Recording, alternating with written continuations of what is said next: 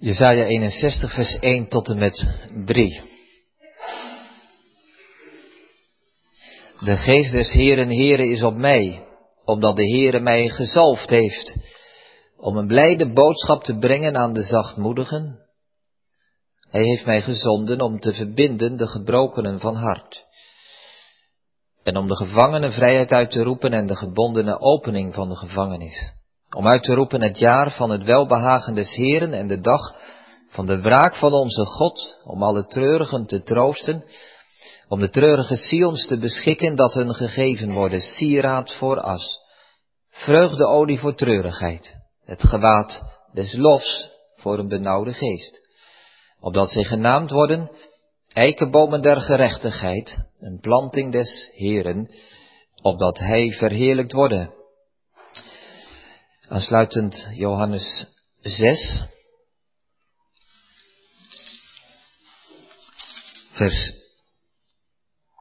27 tot en met 40. Johannes 6 vanaf vers 27 tot en met vers 40. Werk niet om de spijze die vergaat, maar om de spijze die blijft tot in het eeuwige leven, welke de Zoon des Mensen u geven zal, want deze heeft God de Vader verzegeld. Ze zeiden tot hem, wat zullen wij doen opdat wij de werken Gods mogen werken?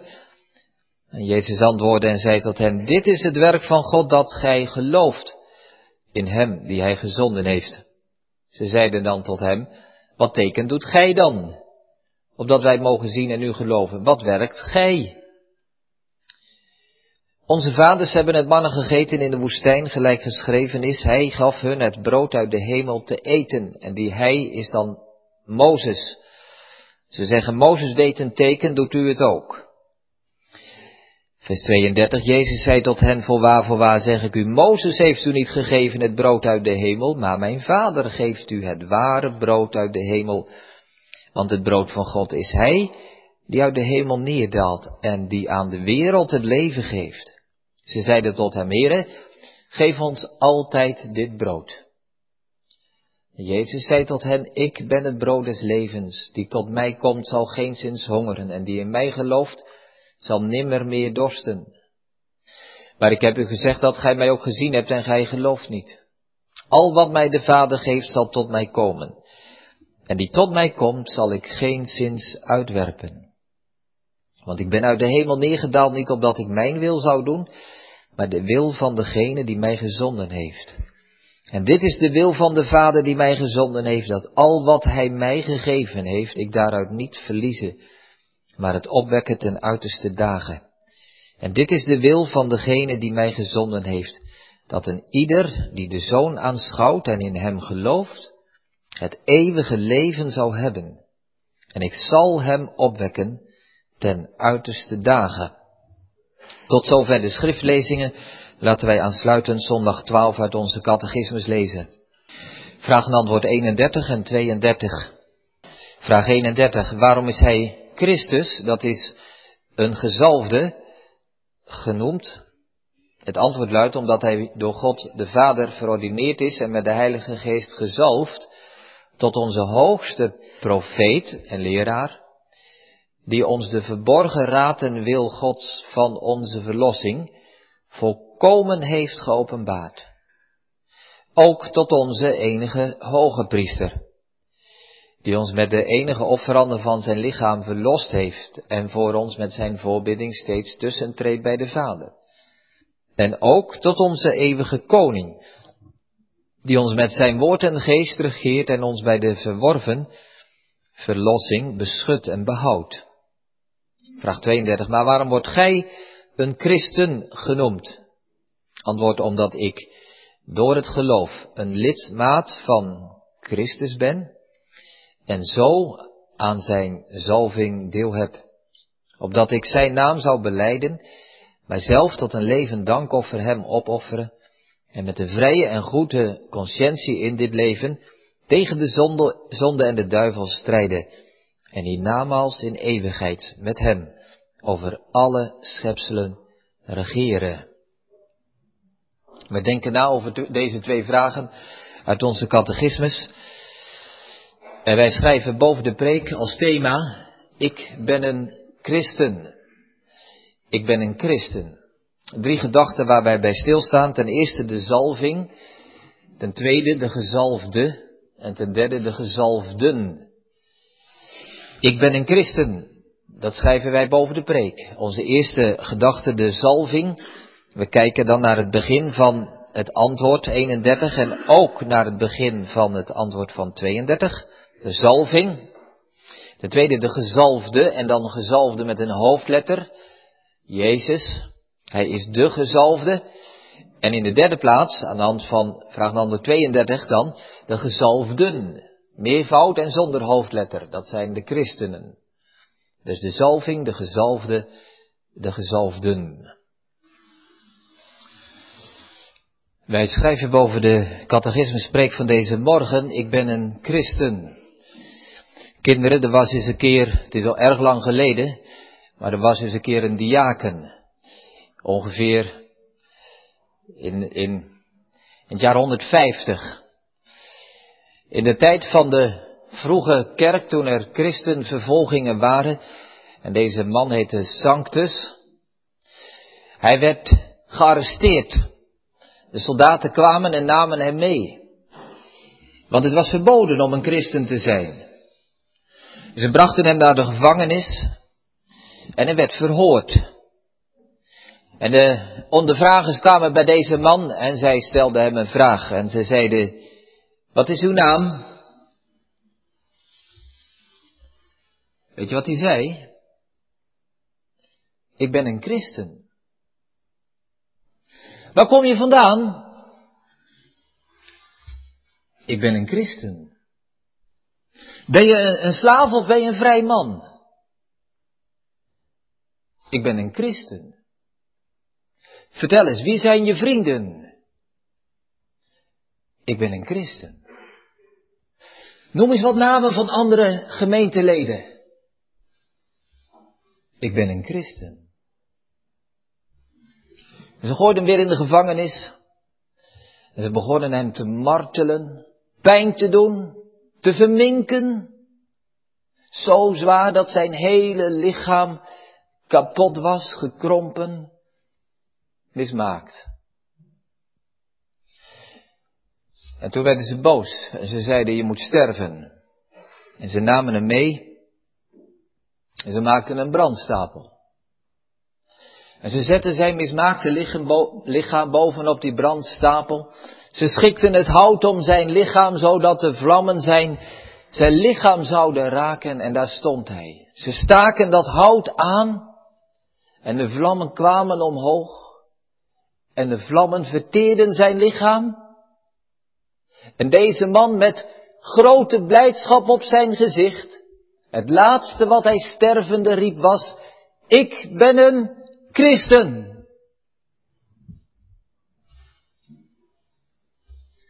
Hoe kan dat?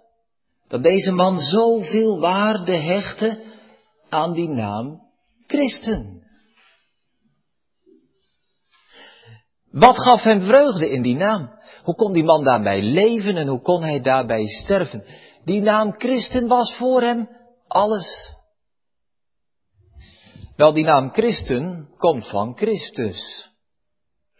En Christus betekent gezalfde. Het is een Grieks woord vanuit het Hebreeuws. Messias betekent ook gezalfde. Dus een christen is iemand die bij Christus hoort. Kinderen, dat is niet zo moeilijk. Dat kunnen jullie ook onthouden. Een christen is iemand die bij Christus hoort. En als Christus gezalfde betekent, dan betekent christen ook gezalfde. Een christen is iemand die gezalfd is. Ik weet wel, we gebruiken dat woord christen of christelijk ook wel in, in, in brede zin. Ja, ik ben een christen, ik ben geen moslim, nee, ik ben een christen. Ik ben christelijk. Nou, ik bedoel het niet in die algemene zin. Vroeger had je in Amsterdam een dominee Buskus. En die zei, je hebt twee soorten christenen. Sommige van hen zijn christelijk, andere zijn christelijk. Die zijn dood. Het gaat om die levende, om die ware christenen. de catechismus die wijdt daar twee vragen aan. We hebben de vorige keer in zondag 11 stilgestaan bij de naam Jezus. We zijn bezig met de twaalf artikelen die in vraag en antwoord 23 zijn opgesomd. En over Jezus wordt gezegd dat hij Jezus heet, Christus is, Gods enige geboren Zoon, onze Heere. En al die woorden worden één voor één besproken. Zondag 11 ging over de naam Jezus. Zondag 12 gaat over de naam Christus. En u kunt er vast vooruitkijken. Zondag 13 en 14 bespreken de volgende aanduidingen. Dus nu over de naam Christus. Ik geloof in Jezus Christus, de gezalfde. Dat zegt de vraag. Waarom is hij Christus? Dat is de gezalfde genoemd. En dan komt het antwoord. Laten we eerst even teruggaan naar het Oude Testament, want daar komt die naam vandaan. Er werden drie soorten mensen gezalfd. Priesters, profeten en koningen. Die werden met olie gezalfd. In rijke mate werd de olie over hun hoofd uitgegoten. Kinderen, denk eens even mee. Zo in gedachten. Ken je een paar mensen die, die gezalfd zijn? Waar de olie over het hoofd werd uitgegoten, vast wel. Denk maar aan David. Samuel zalfde David tot koning. Denk maar aan Aaron. Mozes zalfde hem tot priester. Denk maar aan Elisa. Elia zalfde hem tot profeet. Profeten, priesters en koningen werden gezalfd. En als dat gebeurde, dan, dan was dat altijd, je werd gezalfd tot profeet of tot koning of tot priester, niet gezalfd en dan en verder niks. Nee, je kreeg daar dus een taak bij. Je moest vanaf dat moment koning zijn, of priester, of profeet. Dus die zalving hield een taak in, een opdracht, een plicht. Dit moet je gaan doen. En nu is de Heer Jezus ook gezalfd. Niet alleen tot profeet of priester of koning, maar tot alle drie. Het antwoord somt dat op. Hij is gezalfd tot profeet, priester en koning. En zometeen in onze tweede gedachte zullen we daar uitvoeriger bij die drie zaken stilstaan. Hoe hij profeet is en hoe hij priester is en hoe hij koning is. Maar die drie dingen die komen samen in één grote taak die Jezus heeft. Hij moet verlosser zijn. Lees maar mee. Dat woord verlossen of verlost komt ons, komt telkens weer voor. In vraag en antwoord 31. Hij wordt gezalfde genoemd omdat hij door God de Vader verordineerd is en met de Heilige Geest gezalfd tot onze hoogste profeet en leraar, die ons de verborgen raad en wil van God van onze verlossing volkomen heeft geopenbaard. Hij is ook gezalfd tot onze enige hoge priester, die ons met de enige offerande van zijn lichaam verlost heeft. En voor ons met zijn voorbidding steeds tussentreedt bij de Vader. Hij is ook gezalfd tot onze eeuwige koning, die ons met zijn woord en geest regeert en ons bij de verworven verlossing beschut en behoudt.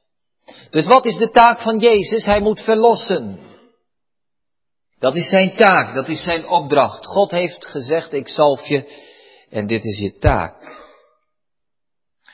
Maar er was altijd nog iets. Zo'n zalving beloofde ook dat zo iemand de kracht zou krijgen. De kracht zou krijgen om koning te zijn of om profeet of priester te zijn. God liet iemand salven om daarmee te laten zien ik help je, ik ben bij je, ik geef je kracht, ik zorg dat die taak niet te zwaar zal zijn. En zo iemand mocht dus ook rekenen op de hulp van God. Ik geef een voorbeeld uit Hebreeën 5. Daar gaat het dan over een priester, maar het geldt breder. Niemand neemt zichzelf die eer aan, staat er. Maar degene die daartoe geroepen was, zoals bijvoorbeeld Aaron. Je kon natuurlijk, kinderen, je kon natuurlijk zeggen, weet je wat, ik wil wel koning zijn. Je neemt een kruik en je doet hem vol met olie en je giet hem leeg over je eigen hoofd.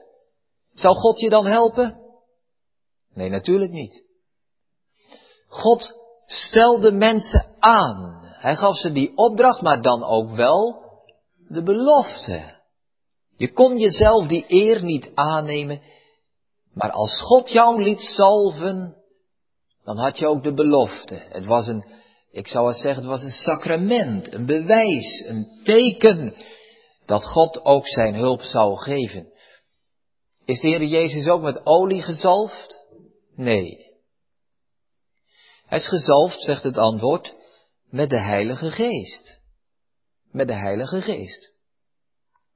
We mogen daarbij denken aan het moment dat hij gedoopt werd in de Jordaan. En de hemel ging open en de Heilige Geest daalde neer en kwam op hem. Dus Jezus is gezalfd met de Heilige Geest. Met die oneindige kracht van God. Petrus zegt later, we lezen dat in Handelingen 10, gij weet, zegt hij tegen de mensen, gij weet hoe God hem, Christus, gezalfd heeft met de Heilige Geest en met kracht. Jullie weten dat. God heeft hem dus ook kracht gegeven om die taak te volbrengen. En daarom kon Jezus ook zeggen, mij is gegeven alle macht in hemel en op aarde. Jezus heeft de oneindige kracht van de Heilige Geest tot zijn beschikking om zijn taak te volvoeren. Kinderen, wat was de taak ook, ook alweer? Wat moest Jezus doen? Verlossen. Bevrijden. Hij heeft de taak gekregen, maar heeft ook de belofte van kracht. Nog één ding bij onze eerste gedachte. Wij denken na over die zalving, over de taak en over die kracht daarvan. Maar dat geldt voor Christus en ook voor de christenen. Misschien dat sommige mensen zeiden, wat een raar thema vandaag boven de preek. Ik ben een christen, moet het nu over ons christenen gaan?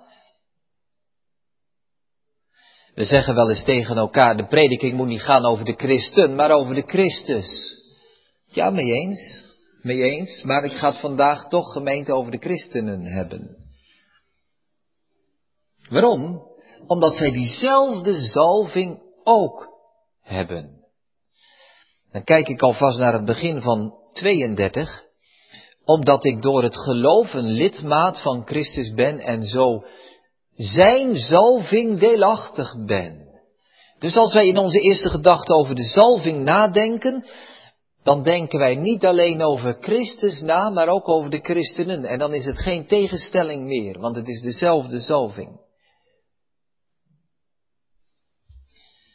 Misschien mag ik het zo zeggen, iets om eens over na te denken. Die kracht en die taak die Christus kreeg, volvoert hij door christenen heen. Hij gebruikt u en jou en mij daarvoor. En daarom moeten wij het ook over christenen hebben. Dat over de zalving, onze eerste gedachte. We gaan naar de tweede gedachte. De gezalfde met een hoofdletter. Ik zei het al, dat woord verlossen komt drie keer voor in vraag of in het antwoord 31. Hij is gezalfd om verlosser te zijn. En hij doet dat op drie manieren. Hij verlost als profeet, hij verlost als priester, hoge priester, en hij verlost als koning. Jesaja 61, we hebben dat gelezen, zegt het als volgt. En Jezus haalt in Lucas 4 die woorden trouwens aan. De geest des Heren, Heren is op mij, omdat de Heere mij gezalfd heeft. En dan gaat hij drie dingen noemen. Ten eerste om een blijde boodschap te brengen aan de zachtmoedigen. Een profeet. Die goede boodschap brengt. Hij heeft mij gezonden om te verbinden de verbrokenen van hart. Priester. Die in bewogenheid mensen herstelt, geneest. Hij heeft mij gezonden om aan de gevangenen vrijheid uit te roepen en aan de gebondenen opening der gevangenis.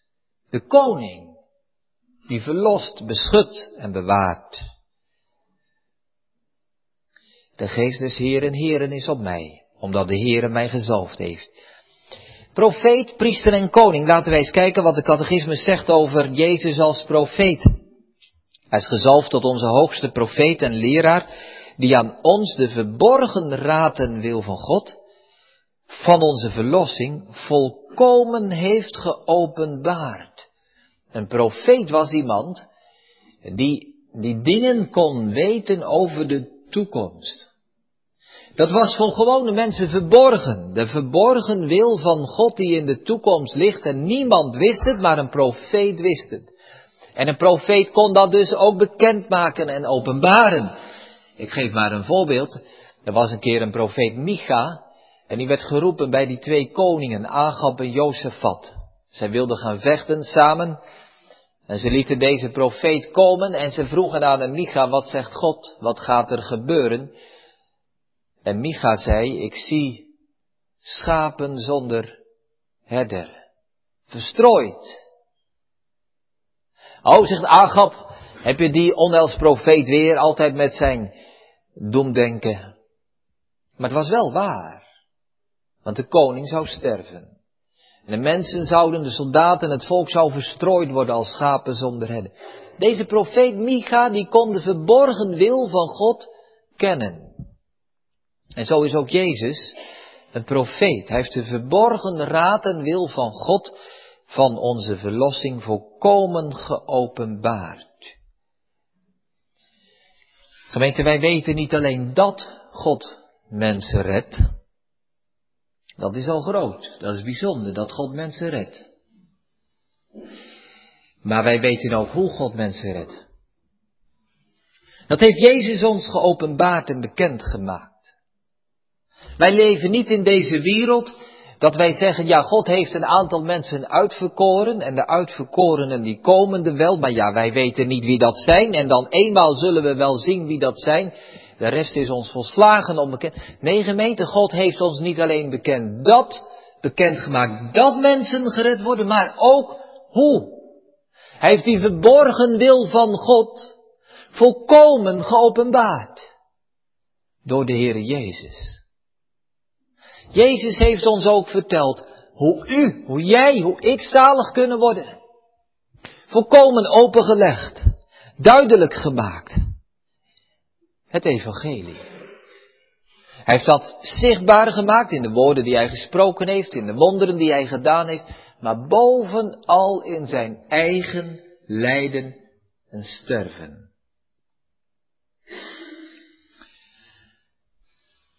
Misschien zijn die mensen die zeggen, dominee, ik weet niet hoe ik zalig moet worden. Zult u dat nooit meer zeggen? U mag dat niet zeggen. Waarom niet? Omdat Jezus ons de verborgen raad en wil Gods van onze verlossing volkomen heeft geopenbaard. Gemeente, het evangelie is helder als glas. Volkomen duidelijk, eenvoudig, inzichtelijk. Een kind kan het begrijpen. Hoe dan? Jezus droeg voor ons de straf. Opdat wij vrij uit zouden gaan. En daarvoor is hij gekomen. Als profeet en leraar. Opdat wij dat zouden weten. Dat ik, dat u, dat jij zalig kunt worden door dat eenvoudige geloof om nu te rusten op de Heere Jezus. Hij is gekomen naar deze wereld. En hij heeft het ons verteld. En we hebben de Bijbel waar, waar zijn woorden in staan. Helder, duidelijk. Wie durfde vanmorgen te zeggen dat het evangelie niet helder is? Wie durft te zeggen dat Jezus ons een, een moeilijke, een onbegrijpelijke boodschap heeft bekendgemaakt? Wie zou durven te zeggen dat God verzwegen heeft hoe wij zalig kunnen worden? Gemeente, het is, het is toch ondenkbaar. Wij hebben de profeet, Jezus, die het evangelie zo helder en duidelijk heeft bekendgemaakt. Zal ik een voorbeeld geven? Twee versen uit de Bijbel. Johannes 11. Ik ben de opstanding en het leven. Wie in mij gelooft, zal niet sterven, en een ieder die gelooft, die leeft en in mij gelooft, zal niet sterven in der eeuwigheid. Gelooft u dat? Gelooft u dat? Ja, gemeente, het is onbegrijpelijk dat wij zo'n profeet van God gekregen hebben. Het is onbegrijpelijk dat God deze boodschap aan ons mensen geeft. Kunt u dat begrijpen? Maar de boodschap zelf is niet onbegrijpelijk. De boodschap zelf is helder en eenvoudig. Door het geloof. Gelooft u dat? Zo is hij gekomen als onze profeet. Die de verborgen raad en wil van God van onze verlossing volkomen heeft geopenbaard. Ja, zegt iemand, en toch die uitverkiezing dan. Die uitverkiezing dan. Hoe kan dat? Johannes 6. We hebben het samen gelezen. Jezus zegt daar in vers 39 en 40, en dit is de wil van de Vader die mij gezonden heeft, dat al wat Hij mij gegeven heeft, ik daaruit niet verliezen, maar hetzelfde opwekken ten uiterste dagen. Laten we zeggen dat vers 39 mogen we de uitverkiezing noemen. God heeft mensen van eeuwigheid aan Christus gegeven en de Vader wil niet dat één van hen verloren gaat. Wij weten dat mensen zalig worden. Maar dan komt er nog een vers die ook spreekt over diezelfde wil van God. En dit is de wil van degene die mij gezonden heeft, dat een ieder die de Zoon aanschouwt en in hem gelooft het eeuwige leven zal hebben. En ik zal hem opwekken ten uiterste dagen. Gemeente, ziet u dat? De verborgen raad en wil van God, vers 39. Volkomen geopenbaard, vers 40. Hoe dan? Wie de Zoon aanschouwt. Kijk naar Jezus. En u bent behouden. Heeft hij zelf gezegd. Als onze profeet. We gaan naar het volgende punt. Hij is ook de priester. Hij is gezalfd tot onze enige hoge priester, die ons met het enige offer van zijn lichaam verlost heeft, weer verlossing. Hij heeft ons niet alleen verteld over verlossing, maar de gemeente heeft ook met de daad verlost. Hij was priester en offer tegelijk. Hij bracht het offer, zoals een priester het offer inbracht, maar hij was ook zelf het offer, het offerdier. Hij werd geslacht. Hij heeft zichzelf gegeven. En zo is hij de priester. Als we dat vergelijken met de islam, daar hebben ze alleen een profeet. Mohammed is zijn profeet. Wij hebben ook een profeet, maar die profeet is tegelijkertijd ook priester. Ik zal dat nu kort houden. We hebben de laatst vanuit 2 Korinthe 5 uitvoerig bij stilgestaan. Ten derde is hij ook onze koning, gezalfd tot koning die ons met zijn woord en geest regeert en ons bij de verworven, de verdiende, de teweeggebrachte verlossing beschut en behoudt. Ziet u de opklimming? Jezus heeft ons de verlossing bekendgemaakt. Hij heeft de verlossing teweeggebracht. Maar hij houdt ons ook bij die verlossing. Wie eenmaal verlost is, kan nooit meer verloren gaan. Want wij hebben een koning die ons beschermt die ons beschut en behoudt. En die voor ons zorgt als hij ons verlost heeft, zal hij ons nooit meer loslaten. Niemand zal ze uit mijn hand rukken, heeft hij gezegd. De poorten van de hel zullen mijn gemeente niet overweldigen. Ik heb voor u gebeden dat uw geloof niet zou ophouden, ook als de Satan u zift als de tarwe. Hij die dat goede werk in u begonnen heeft, zal dat ook voleindigen tot op de dag van Jezus Christus. Een koning die ons bij de verlossing bewaart. Gemeente onze tweede gedachte, de gezalfde. Zijn taak was om te verlossen, weet u het nog? Hij heeft ook de kracht om te verlossen. En daarom doet hij het ook. God de Vader is in hem niet teleurgesteld. Toen hij hem heeft laten zalven en deze taak gegeven heeft. Hij verlost niet 50 procent, niet drie kwart, maar volkomen.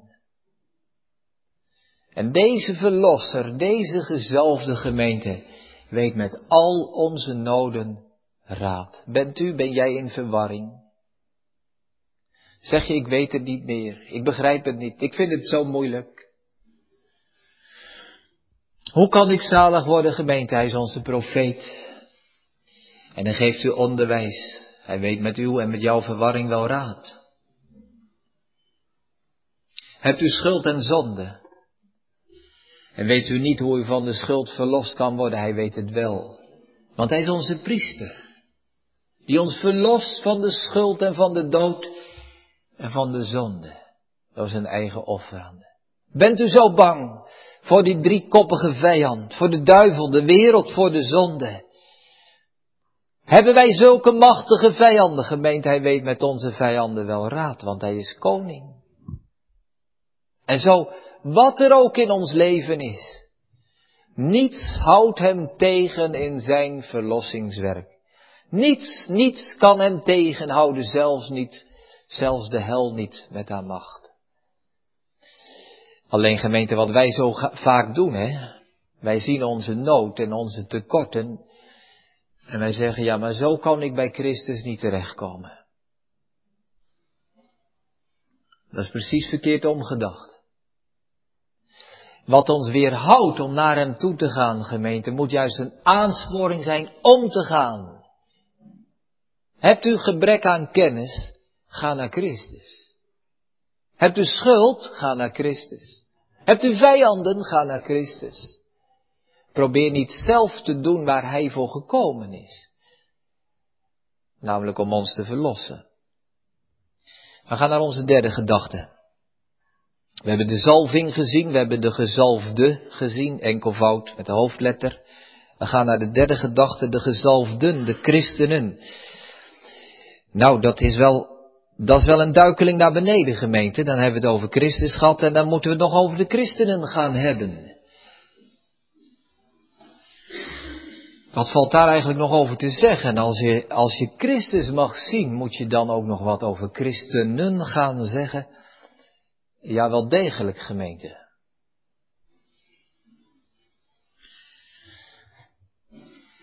Ik heb aan het begin van de preek wat gezegd over die diaken uit de vroege kerk.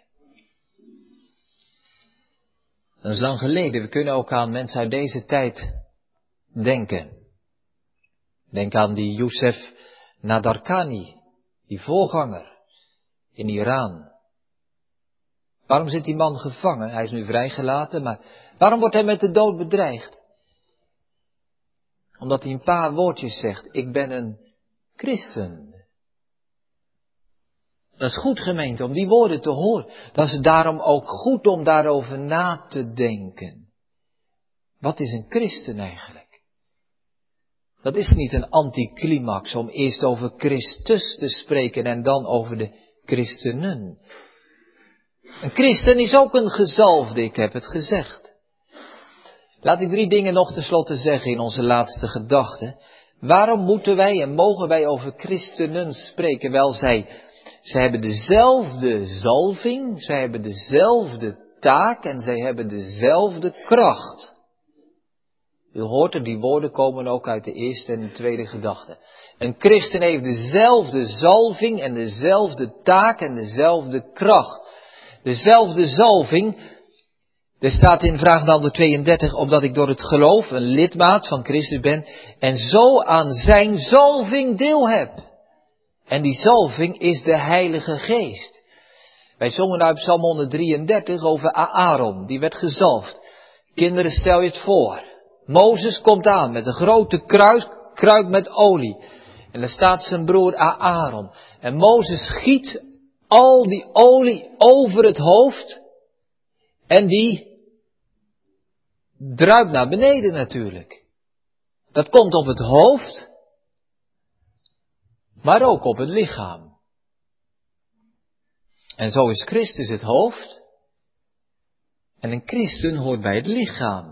En die zalf, die komt, die druipt van het hoofd op het lichaam. Dus een christen is ook een gezalfde. Hij heeft dezelfde zalving als Christus, gezalfd met de Heilige Geest. De Nederlandse geloofsbeleidenis zegt het zo dat de kerk is een heilige vergadering van ware christgelovigen die al hun zaligheid verwachten in Jezus Christus die gewassen zijn door zijn bloed en geheiligd en verzegeld door de Heilige Geest. Onwillekeurig denken we aan het heilsfeit van Pinksteren. De Heilige Geest uitgestort en gegeven aan iedere christen. Dezelfde zalving. Diezelfde Heilige Geest. Gemeente die, die woont in u, in jou, als je een christen bent. En als we op die manier over christenen praten, dan valt er veel over te zeggen. Een christen heeft de Heilige Geest, diezelfde zalving, net als Christus. Een christen heeft dezelfde zalving, maar ook dezelfde taak. Als wij antwoord 32 bezien, dan zien wij daar ook profeet, priester en koning. Leest u maar mee. Ik ben gezalfd opdat ik zijn naam zal beleiden, uitspreken, vertellen, verkondigen. Dan ben ik een profeet. Opdat ik mijzelf tot een dank, levend dankoffer aan hem offer. Ik ben een priester, ik breng ook een offer. Namelijk mijzelf, mijn leven als een dankoffer. Ik ben ook een koning. Want, omdat ik met een vrije en goede conscientie in dit leven tegen de zonde en de duivel strijd en hiernamaals in eeuwigheid met Christus over alle schepselen zal regeren. Dus dezelfde taak. En Christen is ook een profeet, is ook een priester, is ook een koning. Ik moet, be, ik moet me beperken gemeente ook vanwege de tijd, maar Nogal wat mensen zitten met die vraag, ja maar hoe, moet ik dan leven? Wat is het nu om als christen te leven? Mag ik dit nu wel doen, mag ik dat nu niet doen? Of als het bij mij echt was, dan, dan, ja, dan zou ik dat echt niet meer doen. Maar ja, ik vind het toch nog wel zo leuk en zo aantrekkelijk. En... Gemeente, laten we al die vragen even rusten en denken, wat is een christen? Iemand die heeft dezelfde taak als Christus. Een christen is iemand die zijn leven toewijdt aan Jezus Christus. Een christen is iemand die, die zegt, ik wil mijn hele leven gebruiken om Jezus te dienen. Ik wil in deze wereld zeggen, ik ben een christen. Ik hoor bij Christus. En misschien dat sommige dingen zich dan wel makkelijk wijzen. Dit doe ik nog wel, dat doe ik niet meer. Nee, natuurlijk niet, want ik ben een christen. Ik heb dezelfde taak als Christus. Om profeet te zijn en priester en koning. En tenslotte nog één punt, gemeente. Een christen heeft dezelfde zalving, dezelfde taak, dezelfde kracht. Dezelfde kracht. Onvoorstelbaar. Die oneindige kracht van de Heilige Geest. Geeft God aan u, aan jou, in al je zwakheid. En dan zegt het antwoord, en dan zal ik met een vrije en goede conscientie, met een vrij geweten in deze wereld tegen de zonde en de duivel zeggen, ja, maar die zonde is sterk. Ja, maar die duivel is sterk. Ja, maar u hebt dezelfde kracht. De Heilige Geest. Ik heb er veel over nagedacht, die paar woordjes, een vrije en goede conscientie. En ik kan het eigenlijk niet goed onder woorden brengen, gemeente. Ik kan het niet goed inpassen in mijn preek, hoe ik dat nu moet zeggen. Maar, maar dat is wat. Die klem is eraf. Het is vrij in je hoofd. Het is vrij in je hart. In je geweten. Jezus heeft mij verlost, heeft mij, heeft mij bevrijd. Ik ben een, ik ben een christen. Mijn geweten klaagt niet meer. Ik ben een christen. Ik zal hem volgen, ik zal hem dienen. Tegen deze vijand, ja maar, maar, ik heb dezelfde kracht als Jezus. Hij heeft mij gezalfd met de Heilige Geest. Ontstaat een sterke held te zijn. De zegen is ons beschoren. Gemeente, en dan, ja, daarom heb ik het toch maar boven de preek gezet. Ik ben een christen. Wat een kracht in die paar woorden. Ik ben een christen. Met zo'n verlosser kunnen wij niet meer verloren gaan. Met zo'n Christus blijf ik altijd een christen. Met zo'n overwinnaar kunnen wij de strijd niet meer verliezen. Dan blijft er maar één vraag over. Waarom zijt gij zo vreesachtig? Waarom zijn wij vaak zo bang? Waarom zijn wij vaak zo benepen, zo somber? De Heer Jezus zei het, waarom zijt gij zo vreesachtig? Hebt gij geen geloof? En dat is de laatste vraag, gemeente, waar we mee gaan afronden. Hebt u geloof? Want daar begint dat antwoord wel mee, 32. Omdat ik door het geloof een lidmaat van Christus ben en zo aan zijn zalving deelachtig. Hebt u geloof? Geloof in de Heere Jezus. Dan hebt u ook zijn zalving. Dan hebt u ook de Heilige Geest. Dan hebt u ook die taken, dan hebt u ook die kracht. Of hebt u geen geloof? Hebt u, ja, ik heb niks. Nou, dat is niet waar, gemeente. We hebben altijd wat. We hebben of geloof, of we hebben ongeloof. Dan hebt u niet niks, dan hebt u ongeloof.